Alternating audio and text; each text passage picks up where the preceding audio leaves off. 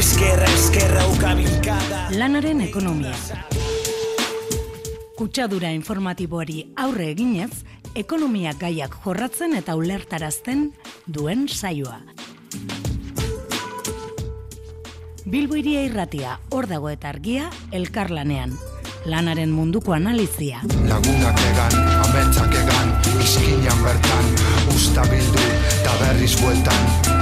Denbora gelditzea bagen, don't stop, stop. Amodi bagitari,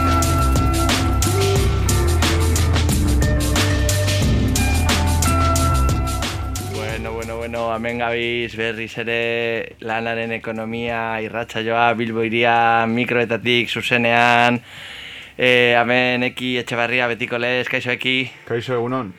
Eta bueno, ba, berez betiko moduan bedeko gu Bilbo iriako lantaldeko ane zabala hemen bandoetan baita ere beste gonbidatu batzuk ekarri dugu baita ere, eta hilegatxear dau bai bai Andrea de Vicente, e, be bai e, lantaldeko kidea.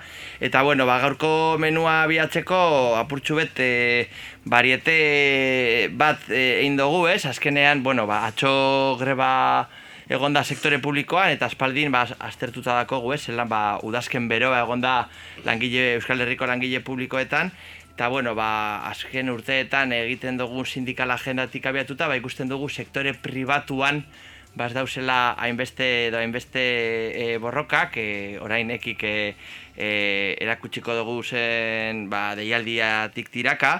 Eta bueno, ba, haietako batzuei buruz berbaiteko, e, ba, e, eskeniko dugu ba, haietako batzuek aztertxera, e, eskiniko dotxagu e, saio hau, ez? Be, alde batetik, e, gaurko saioa, bueno, azteko ingo dugu atxoko greban valorazio bat, e, sindikatuen e, arduradunen ahotsetatik e, edo deklarazioetatik tiraka, eta gero, ba, bueno, e, bueno sindikal agenda, e, atxoko greban valorazioa sindikatuen e, buruetatik eta, eta gero bai azertuko gara, ba, apurtxu sektore pribatuan edo kasu honetan korreoseko azpi kontratan azken hilabetetan egondan e, greba, greba aztertuko dugu, esekako Miguel Morete, Moreteko, esekako kidea den Miguel Moretegaz, be, azkenean korreosen garbitzaileak hilabeteak egon dira kobratu barik, eta bueno, bak, atazka horren e, e, zelako tasuna eta ze, ze puntuan dauzen gaur egun aztertuko dugu e, moretegaz. Gero, e, Andrea de Vicente, que justo bebai atxo bukatudan eroskiko almazenetako greba aztertuko dugu, zelako e, borroka egonda baita ere, bazkenean azpi kontratan sektore horretan, ez? E, badakizue eroski e, kooperatiba dales, baina eta sindikatu bako enpresa izan da, baina bere azpiko estratetan bai emoten da negoziazio kolektibo eta borroka sindikal klasiko eta garako esparrua, eta bueno, batxo lortu dabe e, borrokaren ondorioz ba, soldata igoera eta hori aztertzeko e, ukingo dugu baita lapeko e, kide bat. Eta saioa bukatzeko, gure argia talari heltzeko, ba, izango dugu e, Ainoa Etxaide, e, bera lapeko kidea dan, e, danak dakizuen moduan, eta berarekin, eta militante feminista bebai danean, ba, berarekin egingo dugu azken azaroaren hogeita marrean egindako greba feminista orokorraren ba, valorazioa, o, valorazio bat, da bueno, ba, perspektiba baita mugimendu feminista, baita emakume mugimendu orokorretatik e, dagoen perspektiba, perspektibaen azterketa. Eta bueno, ba, hori danagaz, ba, gaurko saioa e, neko kargatuta dator, eta bueno, ba, aurrera.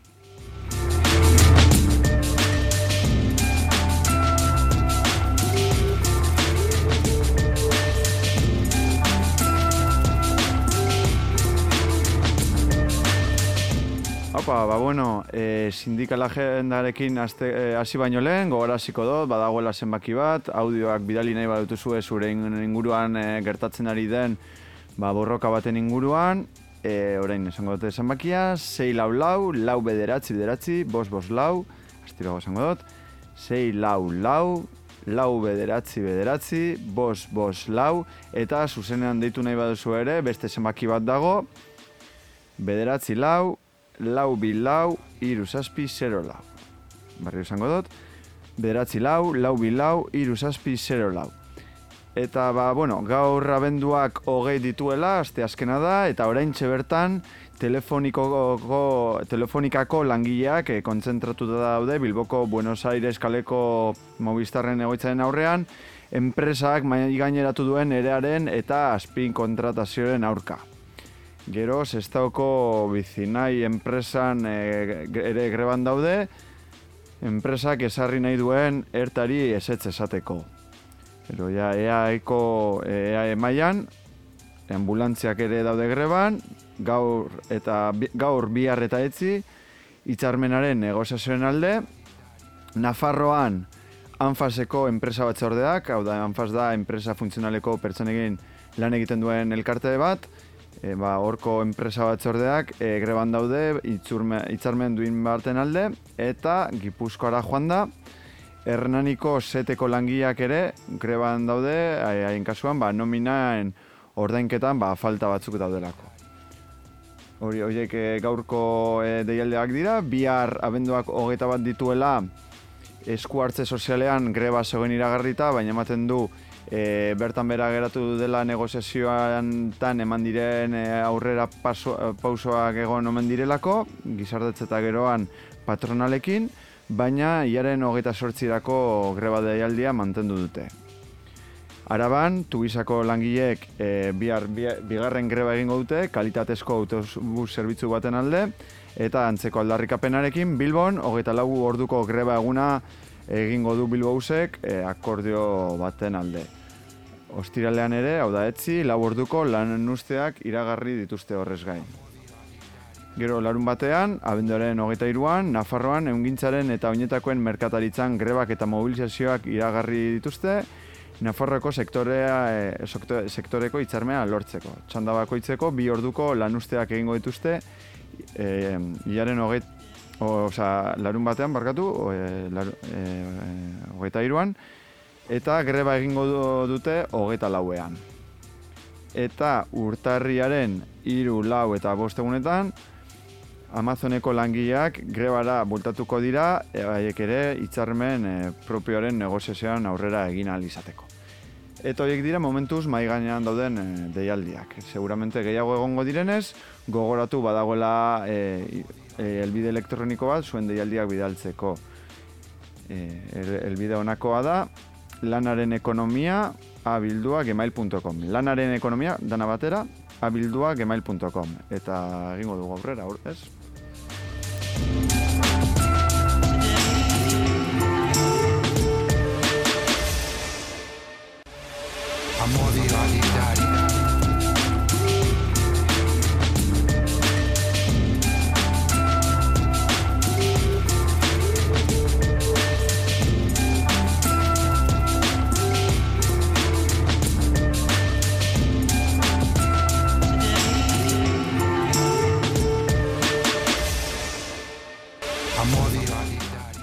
Atxo, abenduaren hogeita, ah, parkatu, atxo, ab- abenduaren emeretxian, e, sektore, Euskal Herriko sektore publikoaren, ba, bigarren e, e, greba eguna izan dugu, eskuntza, pu, eskuntza publikoan hirugarrena izan dana, eta, eta bueno, ba, horre, eta unibertsitatean laugarrena, eta kasu honetan, bueno, edo zeinean, e, e, atxoko greba eta bueno, azken dina, mobilizazio ziklo honen valorazioa egiteko, ba, sindikatuen arduradunen e, em, deklarazioak batu ditugu, azteko Igor Eizagirre, se- elako sektore publikoaren arduraduna. Pues zela sindikat valorazio oso positibo egiten dugu atzoko ere batik eta esaten diogu Eusko Jaurlaritzai aldundi eta udalei ez dutela itzakirik zerbitzu publikoak eta langileen soldata eta enplegua e, hemen adosteko. Eta eskatzen duguna da bai alderdi politikoi e, hemen aurrekontuetan lehen itxi ditzatela langileen aldarrikapenak eta herritarren beharrak egunez bai dago inolako mugarik Madrilek esartzen duena. Eta alderdi politiko eskatzen diogu Madrilen negoziatu behar diren aurrekontuetan ere betorik esartzeko. Hori dia dauzkagun eh, eskaera zehatzak urrengo gunetarako. Argi daukagu ere langile publikoak e, zerbitzu publikoen gainbera lan baldintzen okertzea eta horrek herritarren arreta kalitatean duen igadura osen salatzen jarraitzen dutela eta jarraituko dugula zerbitzu publikoen alde eta horretarako ezinbestean bertako langile publikoen enplegua, soldatak eta lan baldintzak hemen erabaki behar direla eta horiek hobetu behar direla. Zer esan dezakegu jarraipenaren inguruan? Iruditzen zaigu hezkuntzan publiko ez unibertsitarioan jarraipena oso zabala izan zala. E, gobernuak ematen duen datutik, atago guk esaten dugu jarraipena zabalagoa izan zala. iruditzen zaigu ere osasun gintza esparruan aurreko greba baino jarraipen zabalagoa izan zituela. Eta horren adibide dira itxita egon ziren esparru desberdinak, horren adibide San Martin eta Salburua gazteizen osasu zentro itxita ziren, Kasko Viejo, Bolueta, Zorrueta, Zorroza, Buenavista, Castaños, Trapaga eta Zaila Bizkaian, eta ere esan dezakegu ere kirofanoren bat itxita egon zirela Zumarragako ospitalean.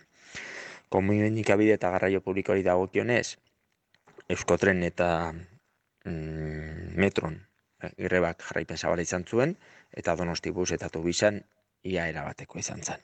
Eta ITB-en ere, e, Miramonen euneko laro gora, eta mm, Bilbon euneko iruita bostetik e, gora. Hortaz, gu argi daukagu borrokan eta jarraituko dugula, eta gure helburua da, zerbitzu publiko unibertsalak, e, doakoak, eta gizarte guztiarentzako zabaltzea, gaur ez dira e, beharroiek asetzen, eta horretarako ezinbestean langileen lan baldintzak hobetu beharra dago. Eta horrekin jarraituko dugu borrokatzen hori lortu arte.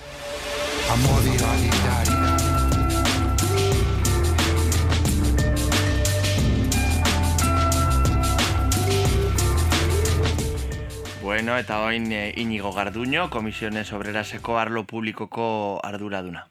Esan, bi greba egunetan milaka langile publiko irten zirela kalera batetik.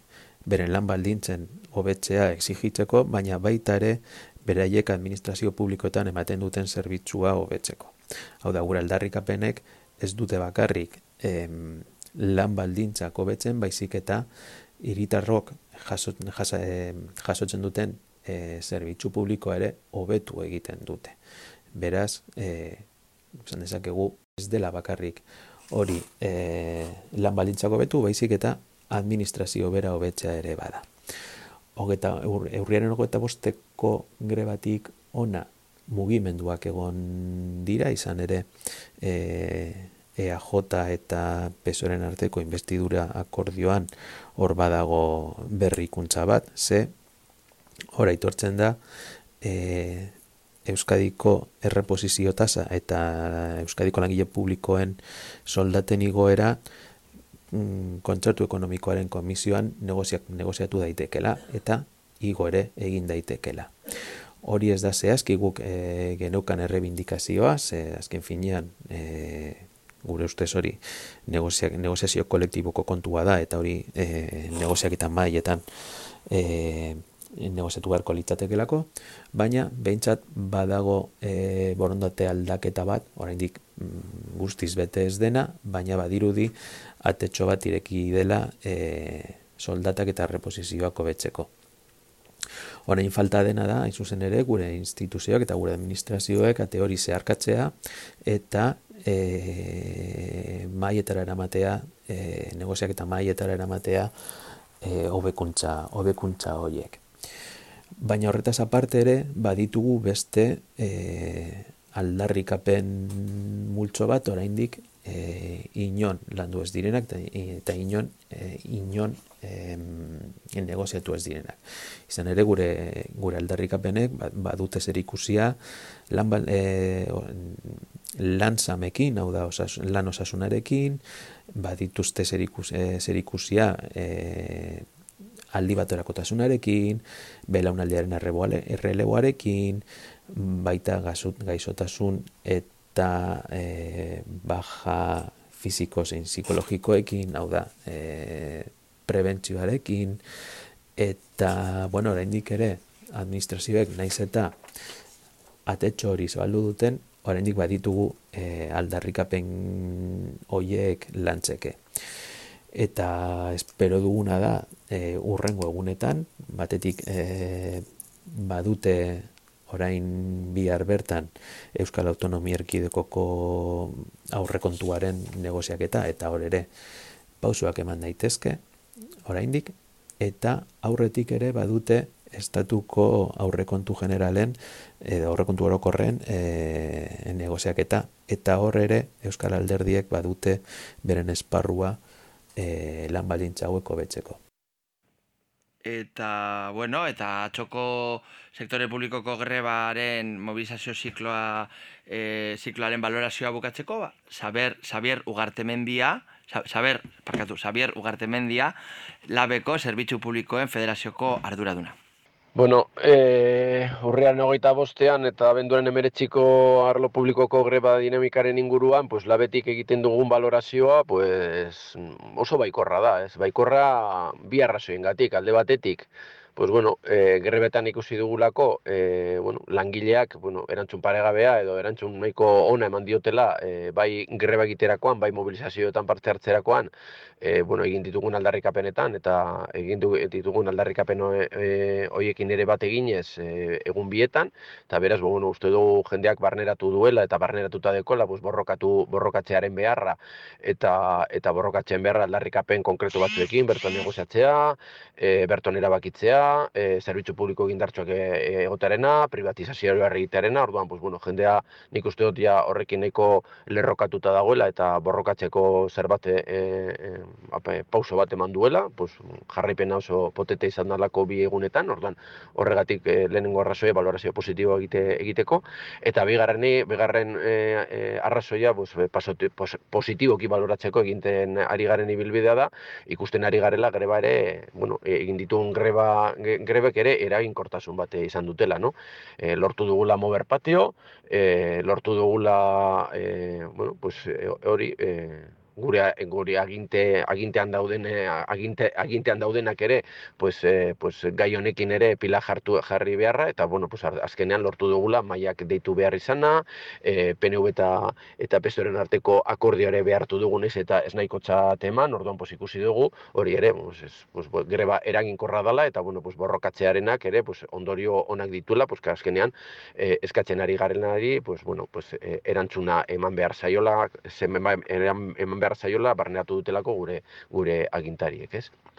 Eta gero aurrea begira, pues bueno, esan behar dugu, ba bueno, pues eh, lehen aipatu dudan moduan, pues momentuz eh, mai orokorrak deitu badira ere, pues bueno, bertan eh, adostasunik ez da orokorrean eh, lortu, orduan eh, hori mugitzen jarraitu behar da eta beste alde batetik, pues PNV eta PSOEren arteko lortutako akordioak guretzat, pues bueno, lehen aipatu moduan ez nahikoa da. Zergatik da ez nahikoa, pues bueno, eh, naiz eta honekarri, porque eh, momentuz ez dela guztiz bermatzen berton erabaki ahal izatearena eta beto eskubidea, eh, akordio horrek beto eskubidea onartzen eh, diolako Madrileko gobernuari alde batetik eta bestetik negoziaketa guzti haiek ekarri dituelako e, bueno, langileentzat arrotza den e, gune batera. A, e, hau da, e, konzertzio ekonomikoaren e, komisio misto batera edo jarraipen batzorde, batzorde batera, non langileak ez gauden, e, hor ordezkatuak, orduan ez da negoziaketa kolektiboaren inguruko e, gune bat, e, ukatu egiten zaigu gu bertan egotearena, ez dugu eskubideri bertan egoteko, eta beraz, pues, e, e, bueno, gerta daiteke bertan adostasuna, adostasunen bat lortzearena, lortzen bat dituzte ikusiko dugu, baina gero hori langilei inposatu inposatzearen ezatearen. Orduan uste dugu e, bide horretan e, bueno, e, grebak e, lorpen batzu lortu ditula, baina bidean jarraitu behar dugula eta eta eta bueno, pues e, faena apur behar rematatu behar dugula e, e, guzti hau konkretatuz eta azkenean lan baldintzetan eta zerbitzu publikoaren kalitatean e, eragina izan dezan. Orduan bueno, gure plantamento etorkizunea begira da dinamika honekin jarraitzearena, e, gure aldarrikapenak ez badira kontutan hartzen, pues borrokan jarraitu beharko dugu eta eta borroka horretan ere greba gehiago egotearena guk aurre ikusten ditugu.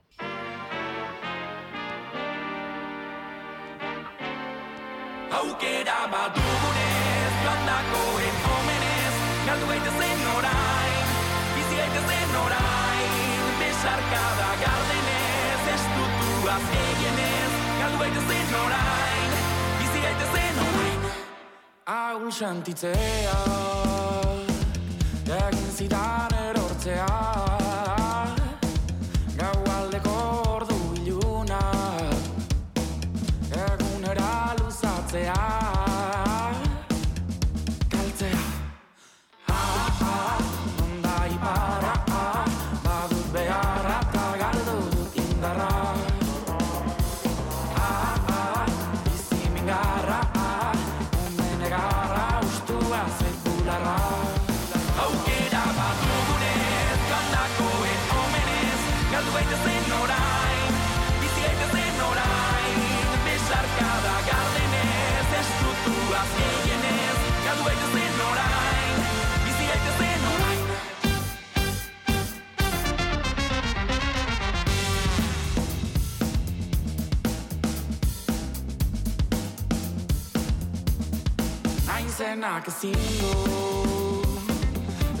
zenak ezin du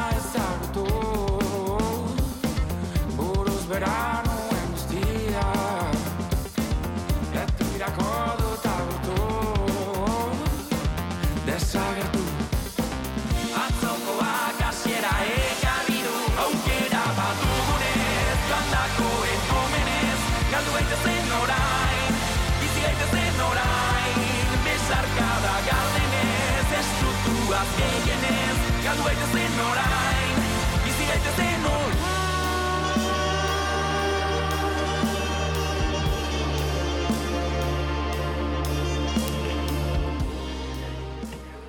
Eta Janus Lester taldearen abest, orain abestia entzun eta gero, ba, gure gaurko lehenengo elkarrizketari ekingo diogu azkenean, e, gaur apurtxo bete, ba, luzatu gara sindikal agenda eta gero ba, atxoko greban valorazioak eukin ditugolako, baina bueno, berez orain e, korreoseko garbitzaileen greba mugagabea aztertuko dugu, ez? E, greba mugagabe bat egon da, korreoseko e, garbitzaileen e, aldetik, azpika kontratatutako enpresak soldatak or- ordaintzeari utzi zielako. Gatazka itxi berri dute, garbiketa enpresa berri batek zerbitzu hartu duelako. Greba horren inguruan aritzeko Miguel Morete, esekako kidea da ubilburia mikroetan. Atxalde hon inigo. Atxalde hon. Bueno, irailetik eh, hasi da korreoseko garbitzaien greba, okerrez banago, baina noiztik egon dira soldata jaso barik eta zelan joan da greba luze hau. Bai, ala, horra zizian greba, bueno, provintzi ezberdinak egon dira eta provintzi bakoitza greba une ezberdinetan hasi du, baino e, langile hauek sei hilabete on dira e, behain soldata kobratu gabe. Uztaian jada o, aparteko ordainsaria ez zuten kobratu, eta hortik aurrean beste hilabeteroko soldatak ez da totalian, hilabete zeon dira kobratu gabe.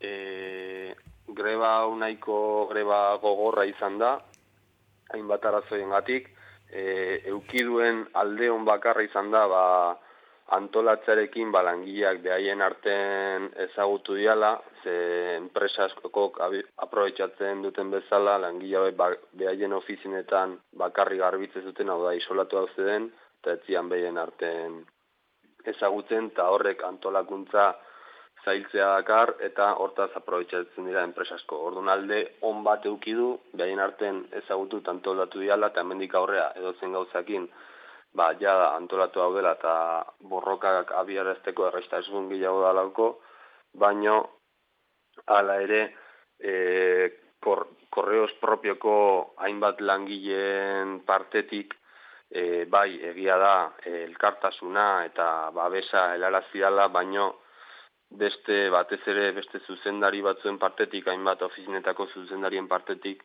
presioa jasan dira eta greba urraketak eman dira aurrera. Baita ere beste puntu bat destakartzear greba honen gogortasunan arira, ba, korreos eta enpresaren partetik informazio eza ikaragarria ondala. Borroka hau abiarazi ez balitz, e, gaur egun indikan informazio gabe jarraituko genuke, eta zentzu hortan oso trista izan da asuntua. Hola valorazio orokor bat egitearren. Bueno, em, Euskal Herritik aratago be bai Espainian e, greban egon direla, ez? Korreoseko e, garbitzaileak eta bueno, ba, orokorrean, ez? E, gure herritik aratago zer gertatu da? Azpi kontratatutako enpresa enpresa honegaz, e, zein izan da arazoaren jatorria edo edo segatik e, ba, eten da soldatak pagatzeari edo edo zerbitzu emateari? Vale, e, arazonen jatorri nagusia korreos da, argi eta garbi korreos da honen guztian erantzule eta hemen asuntua e, lote ezberdinak esleitzen diala batea, kasu hontan Euskal Herria, Herrioxa, Asturias, Galizia, Madrid, Barcelona, Cantabria e, esleitzezian, e, gutxi gora bera mila langile zeuden lote guzti hauetan, eta e, hau hogeita lau milioi eurongatik esleitu da. Osea, ez dira txatarria zai hogeita lau milioi euro zari gara. Eta diru hau e, enpresak geratu du, e, zeren hasiera baten kalkuluak botata, diru honekin ez zuen ia ematen e, langilei sikiera soldatak ordaintzeko. Honen adibide argia da, greba hau abierazi danean, berriz ere lotea atera dutela esan dako provintzia hauen guztintzako eta berrogeita malau milioi eurongatik atera dute lotea. Hau da, hogeita mar milioi euroko diferentziago berez e, langile berdinei ordantzeko. Osea, ez gea akat txiki bat eta zai, eta diru gutxita zai. Hau ez da akats bat, e, hau ba, korrupzioa dela esan daiteke, frogarik ez daude, baina datuak mai gainean jarrita, bakoitzak bere konklusioak ateatzea. Eta honen e, resultua izan da, ba, mila langile, mila familia soldata gabe ustea zei abete. Hemen e, erantzule asko daude, eta e, erantzule politikoa baita ere, eta honen gandik dimisioak aurkeztu barko liateke, eta beste hainbat gauzain. Eta hori, honen aurren, ba, grebak abierazte izan da bidea, lehenengo grebak asizan galdizin, bueno, Nafarroak inbatea augustuak hogeita sortzian, eta hori, Euskal kanpo ba, galdizin kastura zen, egon da mugimendu gehiena grebari dagokione batez ere. Beste provintzitan mobilizazioak eman dira nagusiki greba ordez hori izango litzateke analizi oroko bat estatu mailan edo. Eta, eta bueno, berez hori ez, e, aipatu duzu, gero lote berri bat irten dela, orduan ulertzen dugu ba, enpresatik eh, aldatu dela, orduan zelan itxi da gatazka, soldata atxeratuak enpresa barriak ordainduko ditu, edo zelan geratuko diz atxerapen horiek? Bale, oi, ba, langileen antolakuntzei esker, esan duzunez, ba, lote berri bat atea da, eta enpresa berri bati esleitu zaio. Kasu hontan, enpresa ezberdinei, aurrekoan esan bezala, ba, J. Córdoba enpresazion bakarrik lote guztientzako, baina haingoan, depende provintzia edo lotia, hiru enpresa ezberdin jazkau. Eta, atzerapenak enpresa eh, berriak, oain sartu den enpresak ordaindutuko ditu, baina ez borondate ona guadakatelako, jatorra dialako, ez da zer, baizik eta legeak behartzen dielako, e, atzerapen hauek ordaintzea. Baina azken finean, atzerapen hauek korreosek emandako diruan bitartez, emango dira. Hau da, diru publikoan bitartez. Guk ordainduko ditugu atzerapenak, eta guk ordainduko dugu hemen gertatutako korrupzio guzti hau ez korreosek, ez enpresa berriak, baizik eta diru publikoarekin eta langileek. Eta hori, enpresa berriak induna gutxinez hemen, oa indika, e, soldatan aurrerapen bat eman, baino e, urrengo urteko soldaten aurrerapen da, ez, ez jasotako diruana. Baino momentuz horrela dago itxita asuntua. Langilek demanda sartu beharko dituzte, atzerapenako oratu alizateko, eta honek atzerapen hauek dena atzeratu dezakete, orain ere. Eta, bueno, eta ja, ja, em, ja bukatzeko, Miguel, em, azieratik aipatu dozu, ez? E, gatazkaren arazoa, edo, bueno, arazoaren jatorria, korreos bera, ez? Kontratantea izan dela, eta zen beste azpikontrata bera eta korreoseko egoera orokorraren adibidea izalike agian, ez? Garbitzaien egoera hau. Zeintzuk dira enpresa publiko honen arazoak eta zelan konpondu aldira? Bai, er, enpresa honen hola gainetik azaldutan, bai, ni gehiago zentratu nahi zelako garbikuntzan kasontan, baina korreosek privatizazioaren eta negozio hutsa egitearen bide hartu du, eta honek prekarizazio argia akar, lan, korrezeko langile guztien soldaten eta lan baldintzak okertuz, eta e, garbikuntzan kasu hau da el kulmen e, prekarietate honena. Azpi kontratazioa da esan doko guzti hau eramateko e, modu gogorrena eta e, honen arazo guztia azpi kontratazioa. Azpi kontratazioa bukatu arte, ez da arazo hau gehiago konponduko. Eta hala ere, baita ere, esan bezala, ba, korreoz enpresaren e, egoera orokorra baita ere, hobetu arte.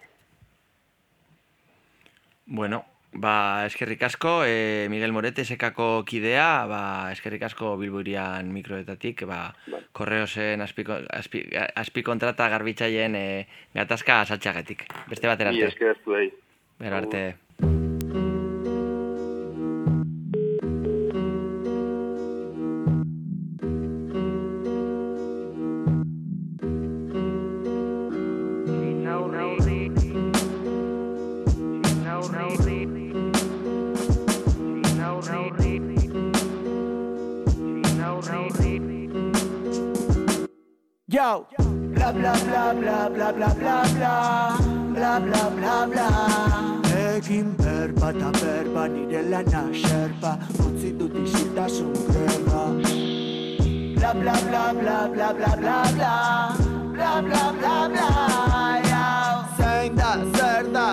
Da, kazolan zerbak eseri lasai nire uh. Nik ez dut idazteko beharrik Bakarrik abesten dut, bakar bakarrik Nik ez dut abesteko beharrik Akaso txoriak aldu kantatzeko uh? Nik ez dut abesteko beharrik Behartu ninduten haiek Berriek, gezurrek, borrelek Rendilage horrek, bidegabekeriek Zentzurak, ardurak, ezintasunak, zuek Nik ez dut idazteko beharrik Baina pipelarri jarri eta denazekoen larri. Zapaldu onoiua jaso besterik Ez nuenekin entzunta jaso, entzunta jaso. Nik ez dut idazteko beharrik Ez nuen idatzi abesti hori. Herriaren opari Nire idazlerik utzunena Herria zeuzara non zara? Nik ez dut abesteko beharrik Baina beste modurik ez nuen topatu nintzen kalasniko fura hartzera usartu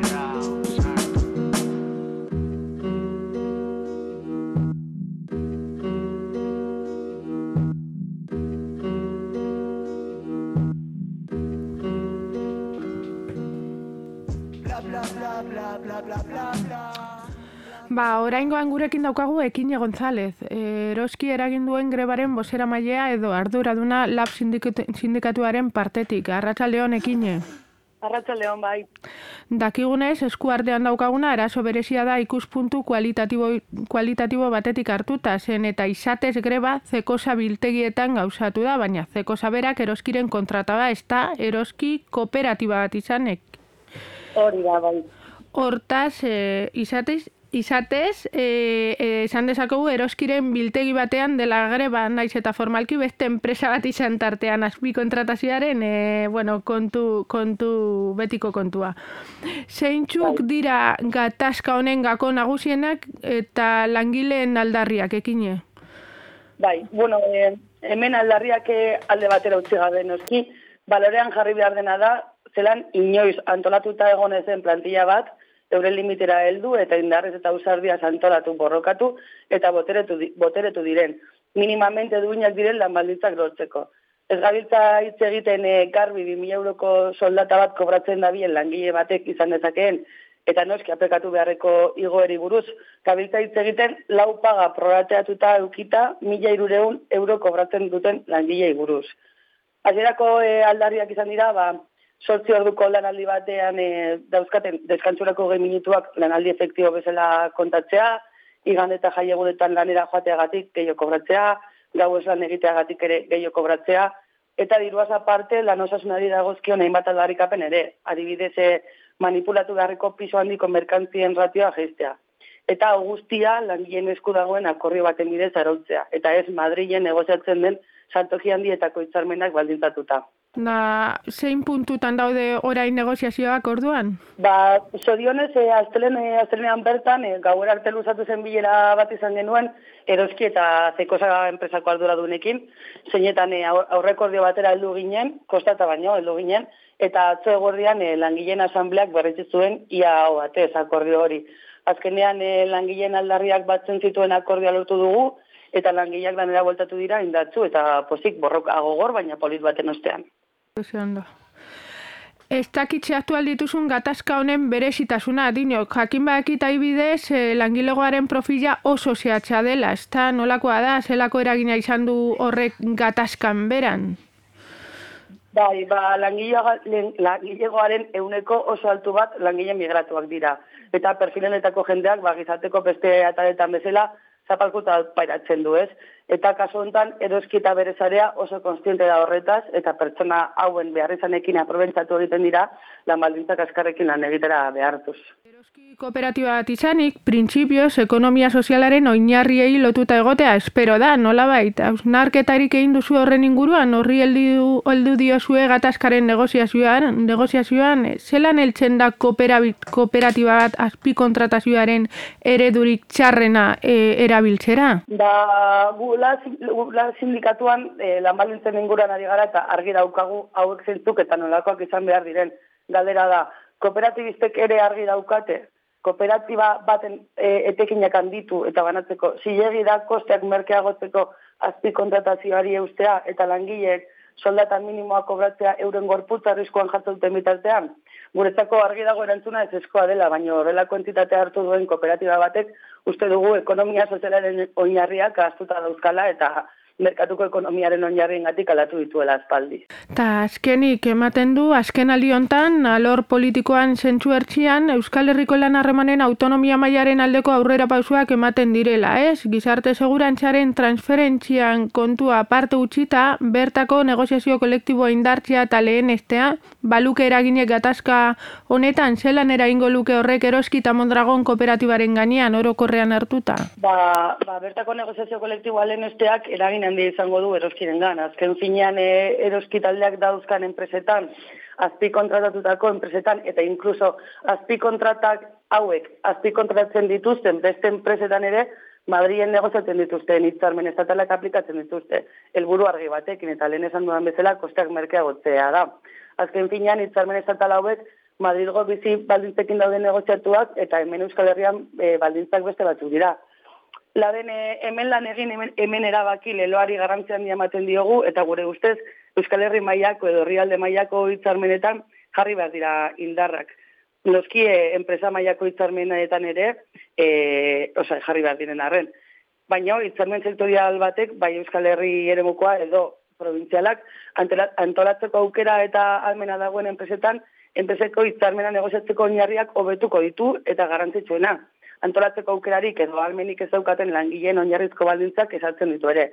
Baina aldiz eh, eroskik egiten duen moduan, Madrilen negoziatzen diren hitzarmenak baldintzatzeko almenik ez daukagunez, langileak euren esku ez dauden lan baldintzak askar eta ekonomikoki penagarriak diren lanpostuetara kondenatu egiten ditu. Vale, ba, mila eskerekin, espero dugu zurekin egon alizatea beste, beste momenturen baten berriz ere. Eskerrik asko. Zuei. Agur. Agur.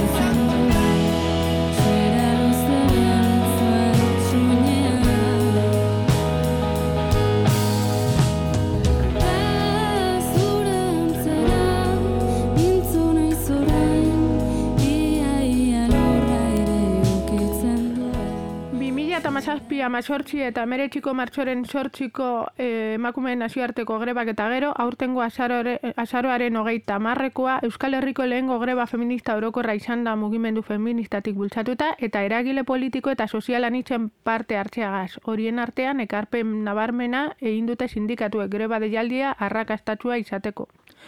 Az, azaroako eta marreko grebaren balorazioa egiteko, Ainoa Etxaide, labeko kidea eta lanaren ekonomia saioeko kolaboratzailea dugu Bilbo irian mikro eta narratxaldeon Ainoa. Arratsaldeon guztiei. Lan asko egin duzuen mugimendu feminista sindikatuekin batera, azaroako eta marreko greba bultzatzeko. Zein da iten duzuen balorazioa? A ber, valorazioa, eske luze joko gudu. Bueno, lehenengo, e, gaude posik eta gaude e, arro. E, nik esan dezaket, e, ba gaudela horrela, emakume bezala, langile bezala, sindikalista bezala, eta batez ere feminista bezala. Ez, arro, badagolako sindikalgintza horrelako erronka bati aurre egiteko, e, horrelako jauzi bat egiteko eta guztiz ez ezaguna zen egoera batean edo den egoera batean e, murritzeko beldurri gabe eta badagolako sindikalgintza Euskal Herria movimiento feministarekin alako e, aliantzak eta e, elkarlana sustatu dezakena, ez? Eta hori ez da noski egun batetik e, bestera e, lortzen eta hori langile asko eta askoren e, emaitza denez, ba, arro egindako lanaz. Eta gero grebaren valorazioa nik uste dut e, oso adierazgarria dela urrengo egunean inork ez da greba guztiz lekuzkan posegoela esaten zuenak ere ezin izan zuela porrota ziteri ezin izan zuela e, hori burratxa ukatu, ezin izan zuela irudia izkutatu. Milaka eta milaka pertsona atera ginen, milaka eta milaka pertsonaren gana lantokietan e, iritsi zen aldarrikapena eta zaintza sistemaren ez dakizuna hor dago. Forma dauka eta horren gainera e, bultzada soziala dauka, ez? Beraz, nik e, arrakastaz, hitz egingo nuke. Bi mila eta mazazpi amazortzi eta emeretxiko martxoak sortziak ez bezala, oingan e, mugimendu feministik, feministak, sindikalista eta beste militantekin batera greba batzorde mixtoak bultzatu ditu. Zelan joan da elkarlana, zer nabarmenduko zenuke? Baina ikustu dute batzorde horiek era, e, erakutsi dutela. E, greba izan, greba ez dala kanpotik edo ez dakit medioetatik sortutako olatu baten emaitza, ez? Bezik, esan da herri herri auzo auzo landu den e, gauza bat eta auzo horietan egonda motorarri bat eta izan da auzoetako mugimendu eta egonda marko bat e, aurrera urratxe egitea zaintzaren borrokan aurrera urratxe egitea ekarri duena, ez? Eta dira mistoak. Argi dago gizonen parte hartzea izan dela, pues, e, desberdina, izan dela desorekatua, eta ikusi dugu momentu hontan nun dagoen feminismoa eta nun dago zeintzaren borroka, ez? Eta zerbait ikusi badugu da, e, gizon bakoitza greba honen aurrean jarri dela gehienetan, zaintzaren aurrean duen jarrera berberetik. Zaintzaz paso egiten duenak grebari paso egin dio, zaintza ba, zerbait osagarria eta bai, dada, pues, e, pues bueno, pues, pizkat begiratu egin dio, eta zaintzaren borrokan sinestan duna buru belarri zartu da. Ez? Nik uste dut, sortu dira, e, lehen esate nuen aliantza e, zerbait formala izatetik e, borroka esparru eta elgarlan esparru errealak izateko e, urrats. Hori orduan egia da, badirudi, urrengo egunean, e, ba, guztia desagertu egiten dela, ezin duzulako abiadura berdinarekin e, jarraitu, ezin duzulako intentsitate berdinarekin jarraitu, baina greba batzorde horiek eta elkarlan horiek eta eragile desberdinen arteko e, metaketa hori hor dago. Eta ziur gaude aurrera begira e, ikusiko dela. Egin den e, lan horrek baduela jarraipen bat. Zeintzuk dira aurrengo pausuak eragile sozialetatik zaintza sistema publiko komunitario eraikitzeko gure kabu salail? Ba, nik uste dute bat, a, e, movimentu feministak deitzaileak argi esan zuten, bagoaz herri itun batera ez? Eta irri itun horrek ekarriko, ekarri behar duena da e, akordio zabalak e, egitea e, sistema berriaren inguruan, baita sistema hori eraikitzeko egin behar dena. Ez baina uste dut ere urrengo urratsak eragilen aldetikan izango direla Ba, adibidez, bakoitzak bere ere eramanez, guk sindikalekin asko dugu e, aurreratzeko eta bultatzeko zaintza lanen baldintzen borrokari begira, asko dugu esateko eta aurrera egiteko lanaldiaren berrantolaketaz, lanaldia murriztu egin behar delako e, zaintzarako denbora e, eukiko badugu, eta asko daukagu e, hitz egiteko, ba, ba hori ez, gizonak inkorporatuko badira zaintza lanetara, lan merkatuan egon behar diren aldaketa sakonetaz. Ez, orduan, badago e, sistema berriaren e, bidean egin beharreko urratsa egituna litzatekela, baina badaude pues beste derivada batzuk eta gurea da lan merkatu bat edukitzea e, non e, enpleguak ez digu kentzen zaintza e, zaintzaile izateko aukera eta enplegua ez da bihurtzen zainduak izateko ostopo nagusi bat, ba ez daukagulako zaintzarako denborarik eta gero noski legoke lan baldintzena. Uh Ta bukatzeko orduan ze espero da lorro honetan aldarrikapenekin bat egin duten alderdi politikoetatik urrengo legislaturan, bai Espainian eta bai Euskal Herrian? Ba, nik estatuan egia esan, ba, ez dakit, ez, da, ez, ez, ez dut ikusten e, aukera aukera handirik, ez, egia da, ba, adibidez e, gaur edo atzo onartu sala, ez, edo eskitzeko hogeita sortzi egun hori guztientzat, eta bueno, urratsak ematen direla zaintzarako e, zaintzarako bide horretan, ez? Baina egia da urrats gehiago eman zitekela.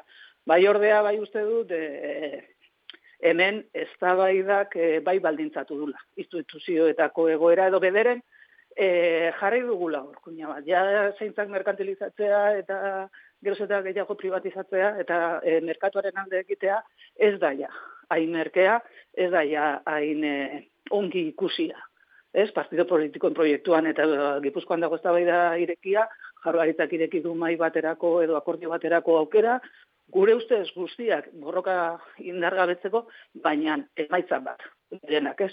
Orduan, ze espero behar, ba, ba, greba honetan usten badugu, ezer gutxi. Dutatzen eta borroka indartzen jarraitzen badugu, nik uste dut, etorriko direla erabaki politikoak. Baina berriro diot, ez espero ditugulako edo ez itxaropenez, bai, begiratzen ditugulako, ezik eta guk behartu egiten diagulako, erabaki politiko horiek hartzera. Vale, ba, eskerrik asko, hainoa berriz ere, eh, atxaldeon. Zuei, aiat beste. Vale, venga, gelarte. A ver, bai.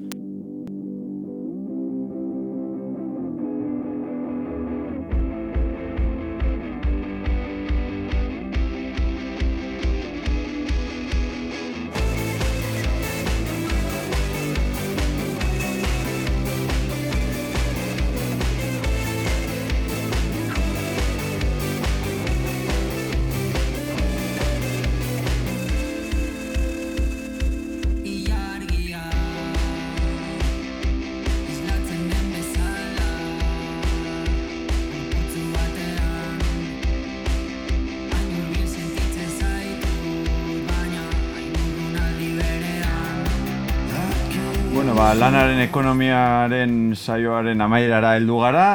Hemen egon gara ni Ekietxe Barria, Andrea de Vicente, Aur. Jon Bernat Zubiri, eta Luken... bueno, eta lotxatu da. bueno, eta Ane Zabala mandoetan, eskerrik asko eh, parte hartu duzunei, bai eh, audioak bidali dituzten eh, sindikatuei, baita Inigo e, Miguel Morete barkatu e, Ekine González eta Aino Atxaila ba, gurean egota baitik eta ba, gabonen ostean egongo gara berriro hemen. E, ondo izan eta gabonak ondo pasa.